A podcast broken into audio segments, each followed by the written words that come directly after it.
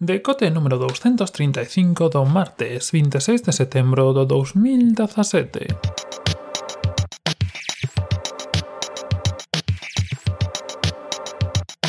Vos días e benvidos a esta nova edición do Decote que como vos spoilereaba eu onte, como vos adiantaba eu onte, pois hoxe vamos tratar da parte que non tratamos onte que é a parte dos podcast. Parte que, como puidestedes facer moitos e se quixestedes está en historia2podcast.algue.net dende que podes acceder a Historia dos Blogs e como dixen onte dende a Historia dos Blogs podes acceder a Historia dos Podcast. Hoxe vamos facer un pouco o mesmo que fixemos onte, claro que esta historia pues, está un pouco máis concreta. Primeiro de todo, dar as gracias a Uxio Broullón de Commons Baby que está aí no medio da, da historia por arellas sonoras que, pois digamos que a persoa que máis traballo fixo e que máis tempo adicou a recopilar toda esta información, a poñer a xunta e a maioría dela eh, sai dun libro que se publicou xa fai bastante tempo que está, bueno, está por aí polo medio dos, dos datos que, eh, que podes atopar na página web que se chama Podcasting Tú Tienes la Palabra, que en concreto do ano 2010, e no que hai unha sección curta, pero suficiente, onde Uxío pois, colabora falando un pouco dos principios do podcast ou dos farangullos en Galicia. Moi interesante e moitas das cousas que temos aquí pois, pois saen de aí. Así que hoxe pois, vamos a facer un pequeno resumo, un pequeno paso por riba de, de todo isto que, que foi ocorrendo. Eh, como podedes ver, se si estades na página, temos que o primeiro podcast en galego, o primeiro farangullo, ainda que daquelas aínda nos acuñaban así, pois foi, foi Plan Galicia de Mariano Grueiro, ainda que só tivo unha emisión, e bueno, pois eso sempre fai que Si aplicamos a lei Emilcar, como se soe coñecer, de que teñan polo menos tres ou cinco emisións, pois non cumpliría. Pero bueno, técnicamente, eh, que fixera unha emisión que tivera un programa de audio que eh, se compartise por, por RSS, pues sería Plan Galicia de Mariano Grueiro. Con máis dunha misión temos a E-Music de Isaac González, que era un programa que se emitía en Quack FM e que logo pues Isaac se encargou de, de transmitir na forma de podcast. É moi importante Isaac na historia dos podcasts en Galicia porque xunto con Uxío Braullón eh, e eh, Coretoxo que falamos onte un pouco del porque unha das persoas que está detrás de Blogaliza foron os que encargados de facer Pod Galego na súa primeira versión, na versión 1.0. A día de hoxe sigue estando en activo Pod Galego, digamos que prácticamente Sodaman de, de Isaac González e, bueno, deixarei vos o enlace na descripción por si queredes ir a Talí, un recopilatorio, unha forma moito máis básica este pod galego e un recopilatorio de, de todo o que se está facendo agora mismo en galego no mundo falancullo, no mundo podcast, que como os podes imaginar, pois nada ten que ver coa cantidade eh, de, de blogs que se fan no, dos, no noso idioma. Pero bueno, por outro lado, podo decir tamén que, que de calidade, eh, sobre todo en certos falangullos, imos sobrados. Pero bueno, volvendo ao principio, eh, despois de, de, de Manuel Grueiro, pues tiñamos, como os decíamos, vos, a Isaac González en el Music, que era un programa que se emitía en Quack FM e que Isaac se encargou de, de pasar ao formato podcast. Tras el teríamos tamén Casa Atlántica, que sería o primeiro falangullo persoal de María Alado, Ouveos na noite de Xermán Biluba,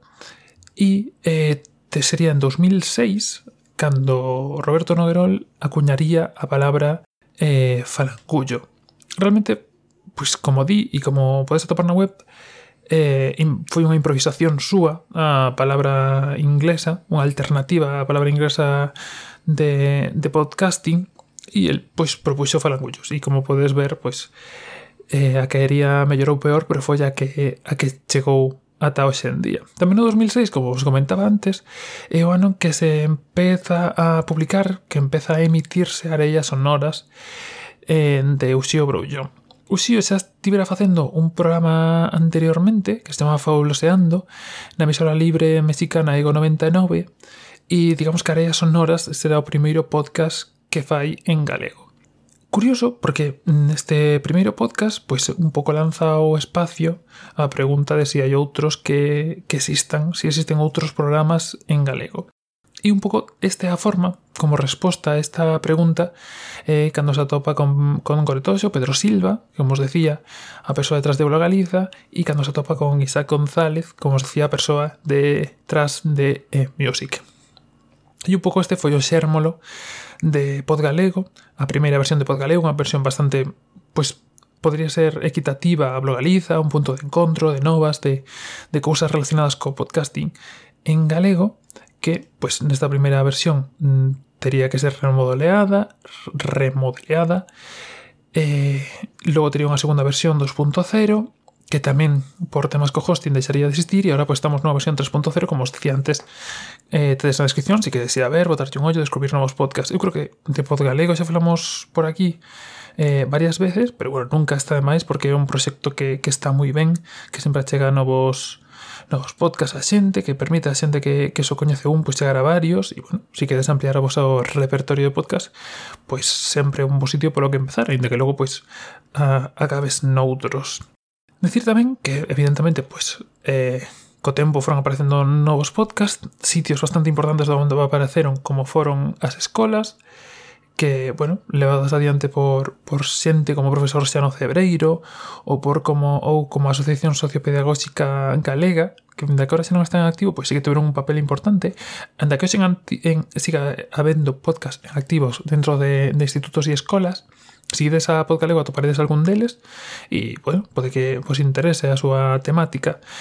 E logo, pois como os decía, no 2010 sería cando Uxío publica ese,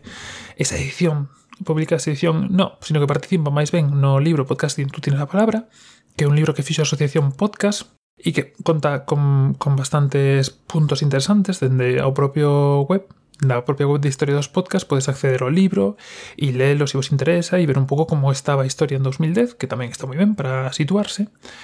Y digamos que en este momento pues empezan a nacer también as quedadas de podcasters. No 2013 a Colopod, ainda que non ten eh, ningún podcaster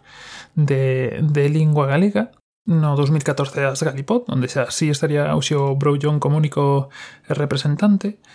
No 2015 as Galipod, coñecida con máis xente, coas metrópoles delirantes a promedio, e por último, a última, que foi tamén no 2015, o 4 de xullo, que foron as Galipod,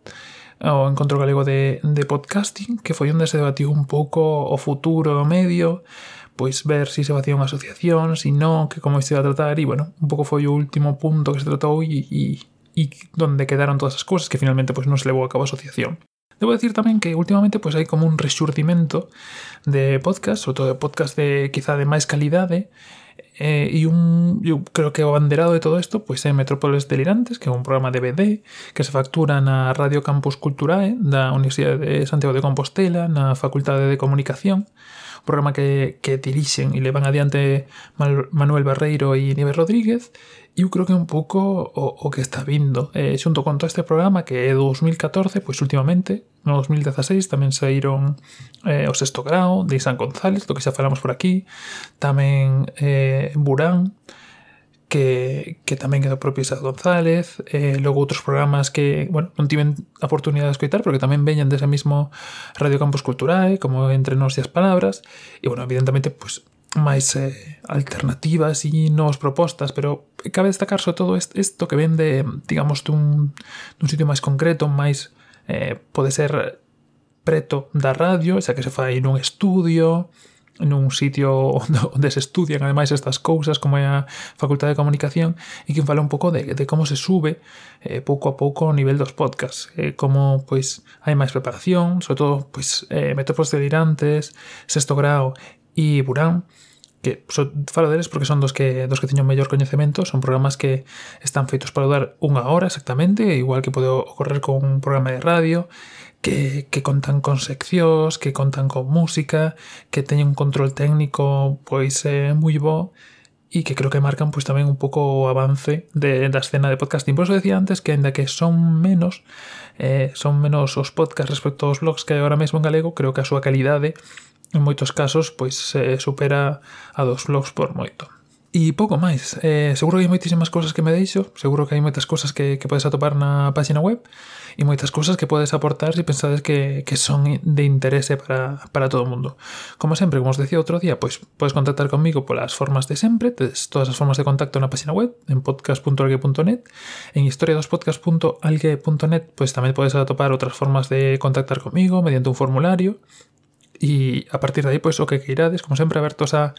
traballar, a mellorar as webs, a chegalas a máis xente e a facer que isto pues, sexa un, un pouco un sitio de referencia para a historia dos podcasts, ou igual que, que aprendemos coa historia dos blogs.